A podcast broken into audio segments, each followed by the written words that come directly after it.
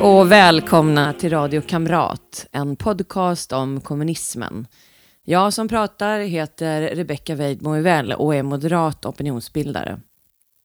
Syftet med Radio Kamrat är att fylla det hål av kunskap om kommunismens förtryck som finns och som gör att kommunister trots all fakta ändå anses rumsrena.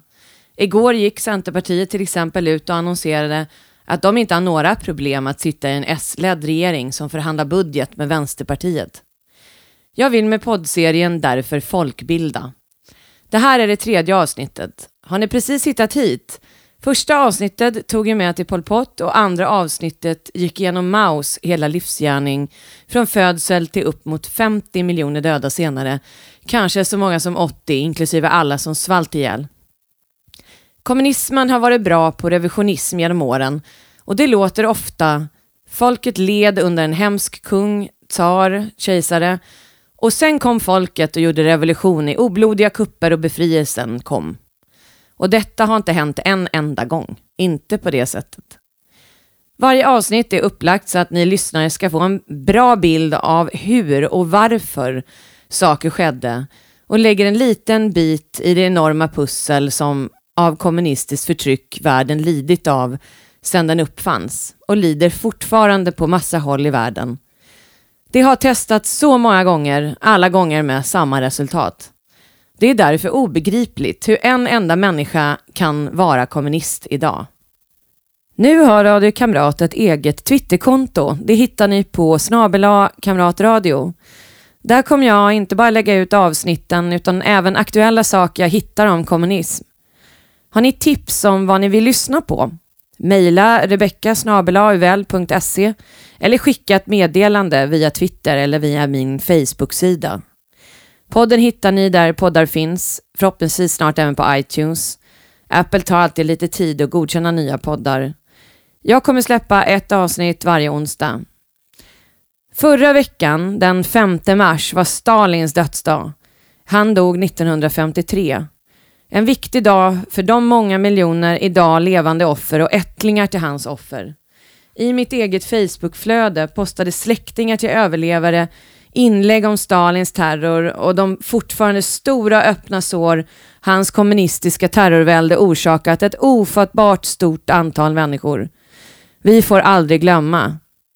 Det hade därför varit naturligt att just idag prata om Stalin, men eftersom just ryska revolutionen och bildandet av den kommunistiska diktatur som varat längst historiskt, Sovjetunionen, är så viktig för att förstå kommunismens globala historia, börjar jag från början med den ryska revolutionen och Lenin.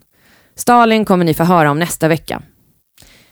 Vill ni stödja mitt initiativ om folkbildning om kommunism kan ni swisha till 123 444 5847 123 444 5847 eller så blir ni Patreon på patreon.com och sök efter Rebecca Weidmo så hittar ni mig där.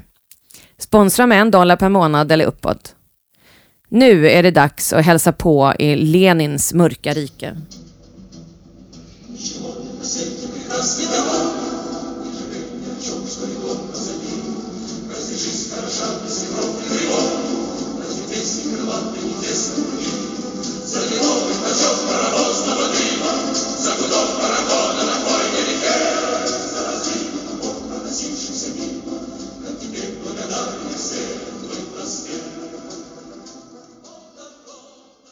Lenin.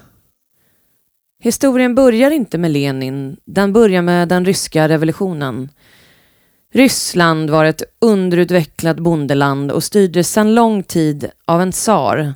Den som kom att bli den sista tsaren var tsar Nikolaj den andre och hans rike var förutom Ryssland även Finland, delar av Polen, Baltikum, länderna i södra Kaukasus, stora delar av Centralasien samt Ukraina.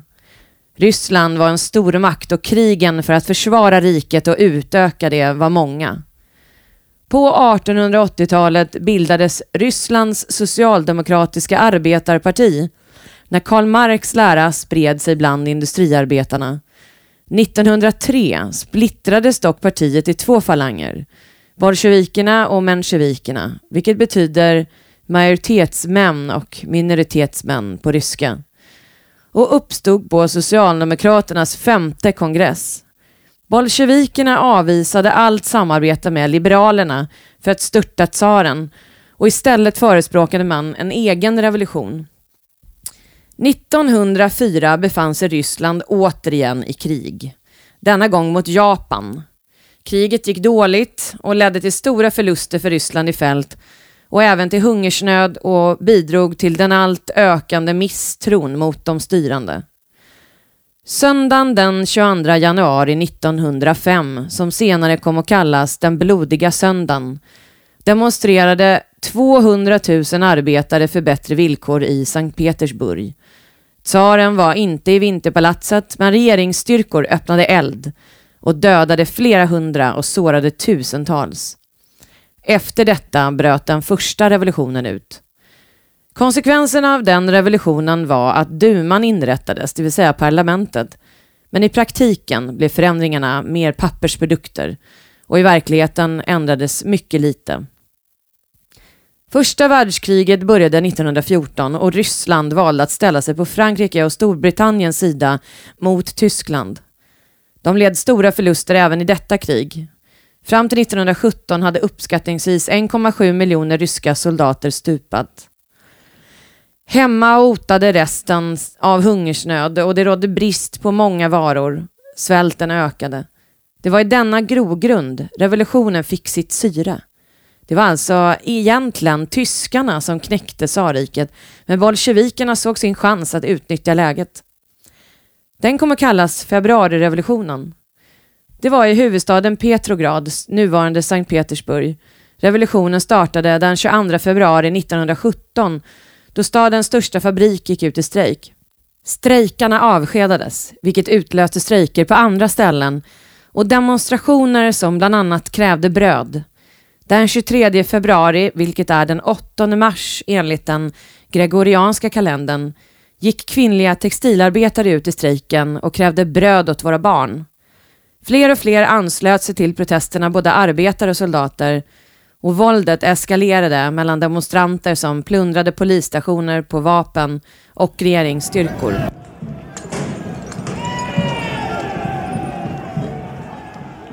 I veckan uppmärksammades den så kallade internationella kvinnodagen den 8 mars. Alla vet nog inte att det är en kommunistisk helgdag från början. Dagen instiftades nämligen av Komintern för att uppmärksamma februarirevolutionen då kvinnliga textilarbetare gick ut i strejk den 8 mars 1917. Bara några år senare instiftades internationella kvinnodagen för att hylla inte kvinnor generellt utan specifikt de revolutionära kommunistiska kvinnorna. Den 2 mars 1917 tvingades tsaren att abdikera och familjen sattes i husarrest. Några ledamöter av den då upplösta duman bildade en provisorisk borgerlig regering ledd av först Elvov. Men samtidigt började en massa råd av arbetare, soldater och bönder bildas runt om i Ryssland kallade sovjeter, vilket är det ryska ordet för råd. Första gången sovjeterna uppstod var under 1905-revolutionen och 1917 återuppstod de och idén var att bygga partiet enligt principen om att råden tillsammans hade makten, ett folkstyre. Under tiden den provisoriska regeringen fanns tilläts också yttrandefrihet och andra partier som inte tidigare tillåtits tilläts. En helt ny politisk frihet tog plats och tusentals politiska flyktingar kunde återvända till Ryssland. En av dem hette Lenin. Vladimir Iljitj Uljanov, som han egentligen hette, föddes den 10 april 1870 i Simbirisk vid Volga. Hans pappa var Ilja och son till en familj av låg klass, men tog sig ändå själv till medelklass genom högre studier i matematik och fysik vid Kazan-universitetet. Han gifte sig med Maria Alexandrovna Blank som var svensk-tysk och båda Lenins föräldrar var monarkister och liberalkonservativa. Ilja dedikerade sitt liv till utbildning och blev provinsens skolchef med 450 grundskolor som ansvarsområde. De tillhörde alltså någon slags övre medelklass i Ryssland. Vladimir föddes som det tredje av åtta barn, men två av hans yngre syskon dog som spädbarn. När han var 15 år dog plötsligt hans pappa av en hjärnblödning 1886. Hans äldre bror Alexander studerade vid tidpunkten i Sankt Petersburg och blev allt mer engagerad i vänsterrörelsen.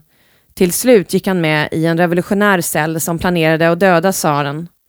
Alexander fick uppgift att konstruera en bomb, men cellen greps innan de hann genomföra attacken och han dömdes i maj 1886 till döden genom hängning. Trots de två trauman som påverkade Vladimir starkt lyckades han genomföra skolan med bra betyg och 1887 började han som sin far på Kazanuniversitetet där han studerade juridik. Men tack vare den avrättade broderns martyrstatus i terroristkretsar bjöds Vladimir att som student gå med i en revolutionär organisation. Efter att ha deltagit i en studentdemonstration blev han relegerad från universitetet. Så de följande fyra åren tillbringade sen den relegerade unge mannen med att inte bara läsa juridik utan även den socialistiska litteratur som då var översatt till ryska samt radikala ryska romaner. 1891 lät myndigheterna honom att avlägga examen i juridik vid universitetet i Sankt Petersburg. Men istället för att börja jobba som jurist så valde Vladimir att bli politiker och bli medlem av den illegala tyska socialdemokratiska arbetarpartiet RSDRP. År 1897 arresterades han för politisk agitation bland industriarbetarna i huvudstaden och dömdes till tre års förvisning till Sibirien. I Sibirien förvandlades Vladimir till en hänsynslös yrkesrevolutionär och han antog där på tidens maner ett täcknamn eftersom han under förvisningen bodde vid floden Lena i östra Sibirien valde han namnet Lenin. När han hade avtjänat sitt straff gick han i landsflykt för att ostört kunna arbeta vidare för en revolution i Ryssland. Han flyttade till Västeuropa och bodde i Prag, London och Bern. Han startade där tidningen Iskra, Gnistan, och organiserade 1903 en utbrytning ur partiet, bolsjevikerna, vars mål kan sammanfattas med tre ord. Avantgarde, demokratisk centralism och våld. Avantgarde innebär att en självutnämnd elit ska leda massorna, demokratisk centralism, att alla andra blint måste lyda denna elit och upprätthålla revolutionen med våld. Det är under exilen han skriver sitt manifest. It is not all our task to descend to the level of the working masses. För ledaren Lenin ansåg inte att vanliga bönder och arbetare skulle kunna genomföra den totala omdaning av samhället som enligt honom krävdes eftersom de hela tiden skulle försöka nå kortsiktiga förändringar. Istället skulle revolutionen drivas av professionella, av yrkesrevolutionärer. Endast bildade representanter för den besuttna klasserna, de intellektuella, kunde verkligen förstå arbetarnas långsiktiga intressen och leda dem på rätt sätt. När Lenin 1917 får meddelande om februarirevolutionen lät tyskarna Lenin och ett större antal andra dissidenter passera Tyskland i en låst vagn från Zürich till Sassnitz. Det låg nämligen i Tysklands intresse att undergräva den ryska staten så att de skulle dra sig ur kriget. Sen åkte alla färja till Trelleborg och tåg genom hela Sverige. Lenin stannade i Stockholm för att träffa svenska socialister innan han fortsatte till Haparanda-Torneå, ner genom Finland och till Helsingfors, där de kunde hoppa på det sista tåget till Sankt Petersburg. Det var missnöjet med allt krigande och konsekvenserna detta gav i form av hungersnöd, varubrist och armod som blev gnistan för bolsjevikerna att störta tsaren. Men när först Elvov avgick enligt plan och Kerensky tog över i juli 1917 intensifierades istället krigföringen mot Tyskland. Protesterna i Ryssland ökade och det rådde vid tillfället nästan revolutionär stämning i Moskva Medlemmarna började strömma till och en av de nya medlemmarna i partiet hette Lev Trotskij.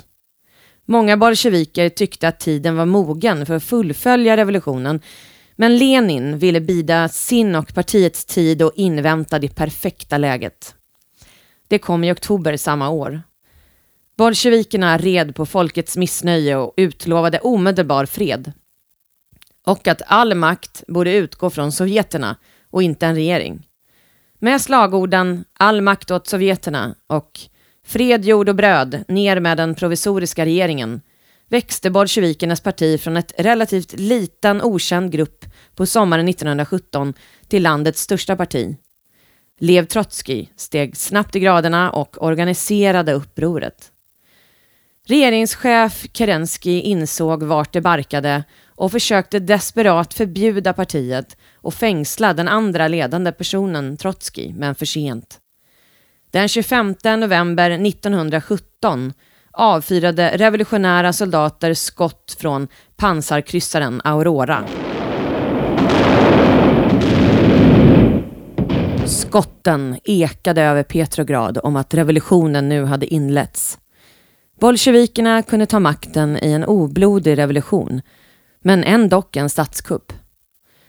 Kommunister idag lyfter ofta fram hur fantastisk och folklig oktoberrevolutionen var eftersom den var oblodig och att folket reste sig genom sovjeterna mot överhögheten. Men i praktiken var det en statskupp orkestrerad av kommunistiska partiet lett av Lenin och Trotskij. I november 1917 skapade bolsjevikerna Sovjetstaten under ledning av Folkkommissariernas råd där Lenin utsågs som ordförande. Men alla var inte nöjda.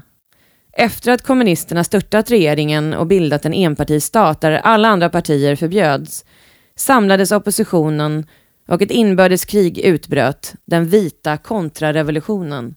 Och det var under inbördeskriget tsar Nikolaj II och hans familj avrättades. Kommunistledaren Sverdlov tog det plötsliga beslutet att tsaren skulle skjutas den 17 juli 1918 då vita styrkor närmade sig Jekaterinburg och risken att tsarfamiljen skulle befrias hotade. Lenin informerades först efter avrättningen.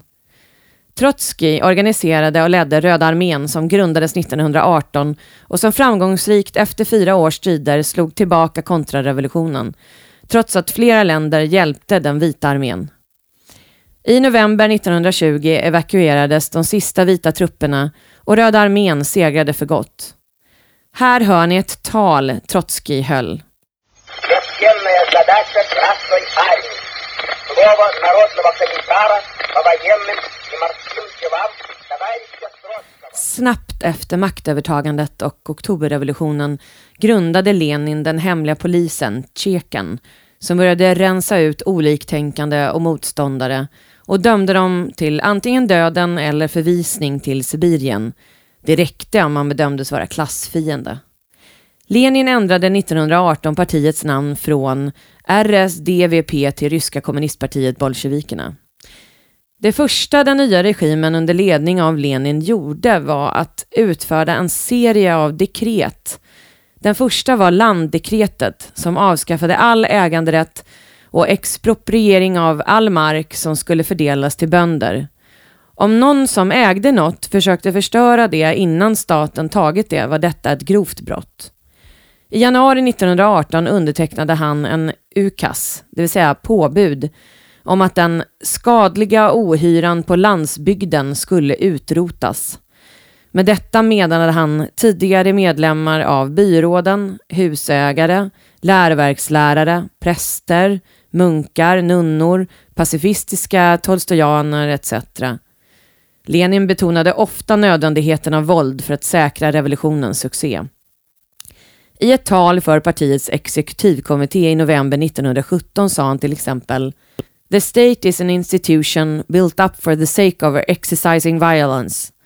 Previously, this violence was exercised by a handful of money bags over the entire people. Now we want to organize violence in the interests of the people. Lenin utsattes den 30 augusti 1918 för ett mordförsök en lönnmördare sköt honom med tre skott men han vägrade av rädsla för fler mordförsök att uppsöka sjukhus utan behandlades av läkare i hemmet. Han återhämtade sig men kulorna satt kvar i kroppen något som tros bidragit till hälsoproblemen han fick senare. Efter attentatet blev terrorn värre och mer systematisk i Sovjet. 1918 led landets befolkning av svält och Lenin valde att skylla allt på kulakerna, de mer välbeställda bönderna som ägde mark. Han anklagade dem för att de tjuvhöll på spannmål för att driva upp priserna. Men bönderna tänkte inte ge upp sin mark frivilligt utan protesterade. Så i augusti 1918 skickade Lenin ett telegram till bolsjevikerna i Pensa. Kamrater, kulakernas uppror bör obarmhärtigt slås ner. Hela revolutionens intresse kräver detta, ty nu pågår överallt den sista avgörande striden mot kulakerna. Exempel bör statueras. 1. Häng åtminstone hundra kända kulaker, rika män och blodsugare. Men så att människorna säkert ser det. 2. Publicera deras namn. 3. Fråntag dem all säd. 4. Utse gisslan, så som det utsades i gårdagens telegram. Gör detta på ett sådant sätt att människorna på hundra gärste avstånd ser, fruktar, vet och skriker. De stryper blodsugarkulakerna till döds. Bekräfta telegrafiskt mottagandet av detta meddelande och verkställigheten. Er Lenin. PS. Få fram några verkligt hårda män. Idag finns telegrammet i original i den amerikanska kongressens bibliotek. Nu ska ni få lyssna på ett tal av Lenin om the middle peasant, en slags perfekt bonde som inte lever på andras arbete och som det enligt Lenin var få av innan revolutionen, men som tack vare bolsjevikernas revolution nu fanns många av.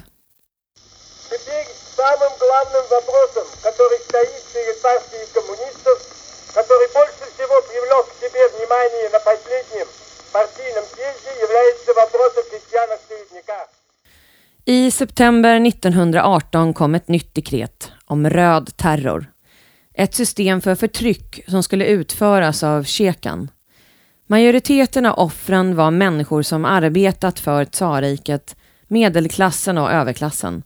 Men även icke önskvärda som prostituerade avrättades. Tjekan var polis, domstol och bödel.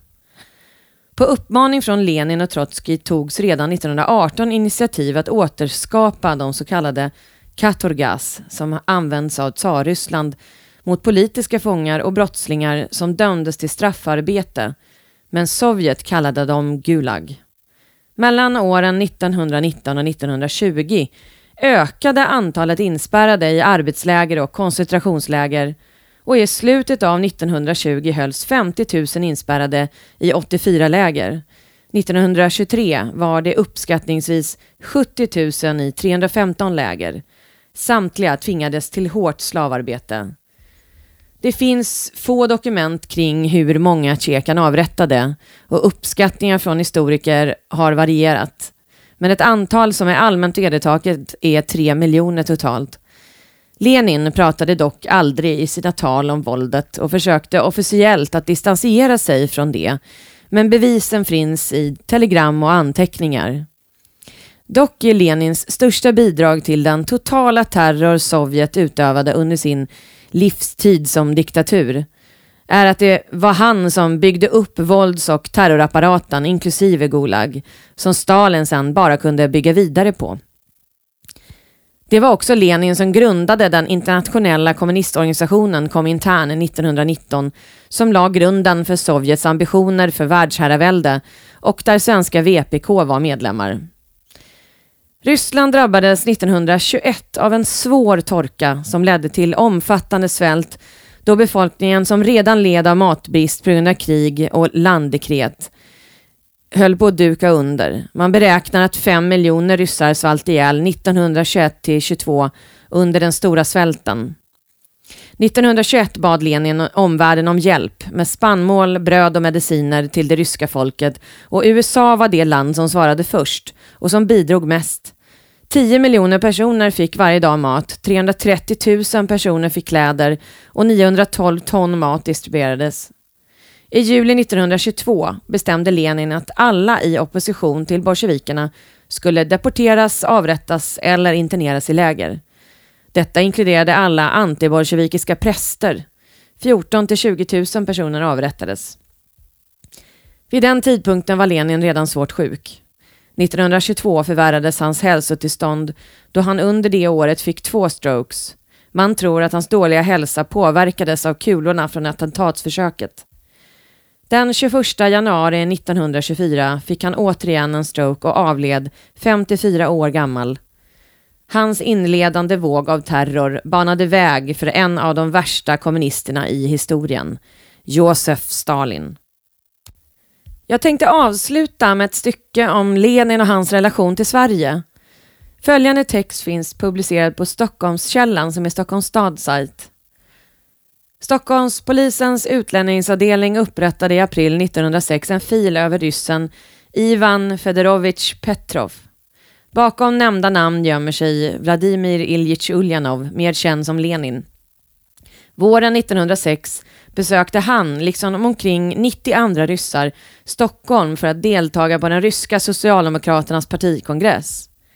Filen och, eh, eller persondossiern är skriven av de båda konstaplarna Adolfsson och Eneström som den 26 april höll förhör med Ivan Petrov. I förhöret frågades Ivan ut om yrke, bakgrund och framtidsplaner. Utdrag från persondossiern. Han är politisk flykting och till sin politiska åskådning socialdemokrat. Han har agiterat i Moskva för pressfrihet, församlingsfrihet och i övrigt för socialistiska åskådningar samt som förut nämnts i smärre folktidningar skrivit uppsatser av socialistiskt innehåll. Han hade av polisen i Moskva eftersökts och har det jämväl gjort undersökning i hans omskrivna bostad, dock utan att finna något. Som han vis visste sig vara eftersök och anhölls Ivan säkert skulle havas skickat till Sibirien hade han därför flytt åkande järnväg till Petersburg genom Finland och Åbo över till Stockholm. Persondossien innehåller även en beskrivning av Ivan Petrovs utseende. Bland annat får vi veta att han har mörkt hakskägg och mustascher samt är något kal i gässa. Lenins Stockholmsbesök 1906 var inte den blivande sovjetiska diktatorns enda. Han var tillbaka i den svenska huvudstaden för kortare besök 1907, 1910 och 1917. I en artikel i Svenska Dagbladet från den 4 december 2017 av historikern Dick Harrison kan man läsa följande om Lenins besök i Stockholm. Bland svenska socialister i allmänhet och vänsterradikaler i synnerhet var den kände ryssens resa en stor begivenhet och Lenin han träffa flera av dem. Otto Grimlund, senare en av hyresgäströrelsen och HSBs främsta namn, var på plats redan i Trelleborg och delade kupé med Lenin. Och Jakob Fürstenberg alias Jakob Hanecki, den socialistiska affärsmannen som ordnat den rika förplägnaden på Savoy på vägen till Stockholm. De diskuterade det spända politiska läget i Sverige och Hjalmar Brantings möjligheter att agera efter ministären Hammarskjölds fall. I Stockholm väntade Fredrik Ström, Ture Nerman och borgmästare Carl Lindhagen. Stockholmsuppehållet, som är förevigat på fotografi, varade från gryning till skymning den 13 april. I väntan på kvällståget till Norrland tvättade och vilade sig ryssarna på hotell Regina på Drottninggatan. Lenin sökte övertyga sina svenska vänner om vikten av väpnad kamp och inte bara fredligt prat och predikade energiskt om proletariatets diktatur. Dessutom tiggde han pengar. Pengarna kom väl till pass när reskamraten Karl Radek drog med honom till pub för att köpa lågskor och kostym. Lenins klädsel lämnades åtskilligt att önska. Radek ville också att han skulle köpa en överrock och nya underkläder, men Lenin vägrade med argumentet att han skulle åka till Petrograd för att göra revolution, inte öppna en herrekipering. Istället återvände han till hotellet och imundigade en välpepprad stek. När ryssarna tog kvällståget norrut samlades ett hundratal sympatisörer med röda fanor på Stockholms centralstation för att vinka av dem. Och medan Lenin ledsagades till sin sovvagn spelades Internationalen. Någon gav honom till och med en blombukett. Svenska Dagbladet publicerade vid tidpunkten för besöket även en bild på när Lenin den 13 april 1917 korsar Vasagatan i Stockholm i sällskap med flera olika vänstersocialdemokrater som Carl Lindhagen och Ture Nerman, innan han hoppade på tåget och gjorde revolution i Ryssland. Den bilden använde konstnären Björn Levin som förlaga när han 1977 skapade monumentet Leninmonumentet som fortfarande idag står utanför Moderna Museets entré, bedrövligt nog. Före detta partiledare för Miljöpartiet, Isabella Lövin, är dotter till Björn Lövin. Jag tycker att vi borde byta ut Lövins hyllning till Lenin utanför Moderna till ett annat konstverk och förpassa Lenin i källaren där han hör hemma. Lenin hade många kontakter med svenska socialdemokrater och i boken Hemmabolsjevikerna av Alexander Kahn som kom ut 2006 går han igenom detta detaljerat. Kahn föddes i Ryssland och är svensk-rysk historiker och beskriver i detalj framväxten av ett revolutionärt nätverk mellan Stockholm och Moskva mellan åren 1914 och 1920. De ryska och svenska socialdemokraternas relation fördjupades efter första världskriget och Sverige blev ett viktigt såväl exil som transitland för ryska revolutionärer. Bolsjevikernas representant i Norden fick till och med materiellt stöd av Socialdemokratiska arbetarpartiet, SAP.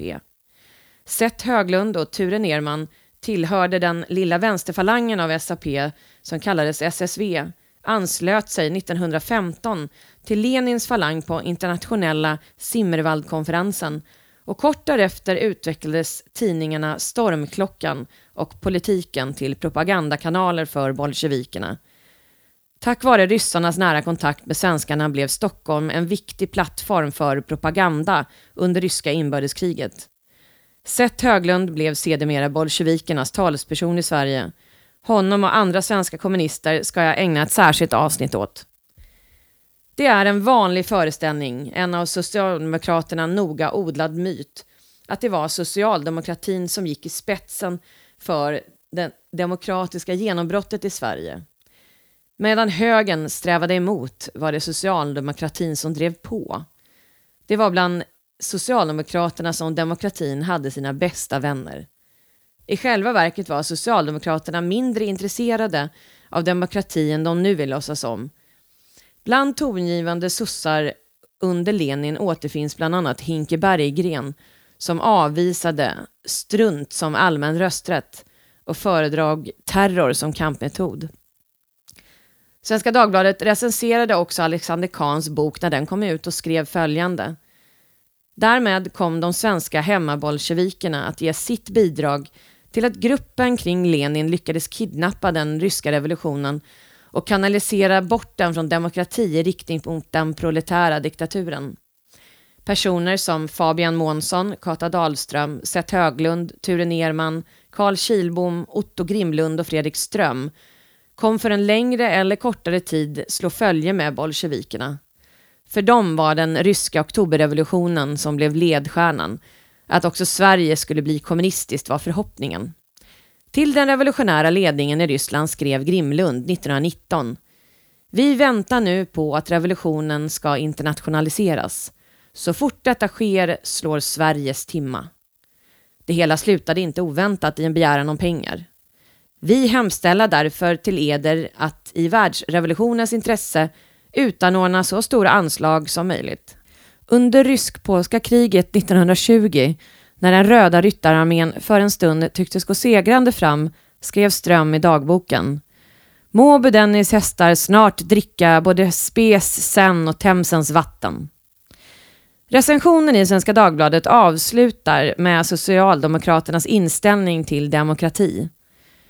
Orsakerna till den tidiga svenska arbetarrörelsens vacklande inställning till demokratin är inte svåra att komma underfund med.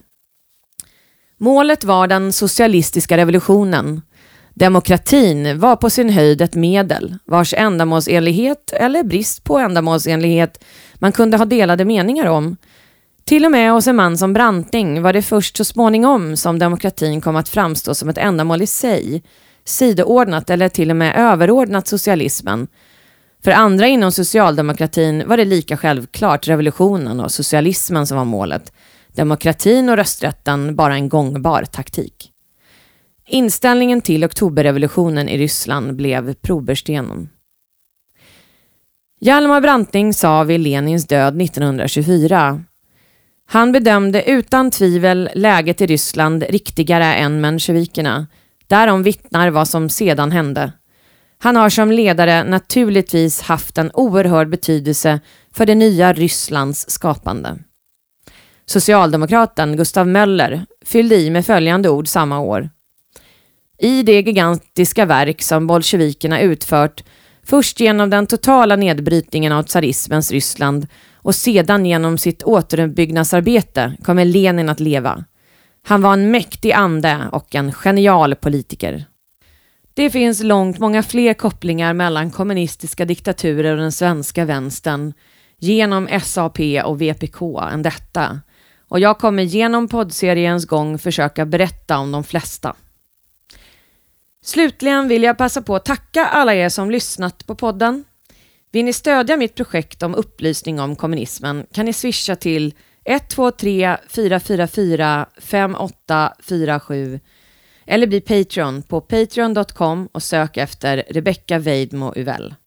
Med det säger jag hej då och på återseende.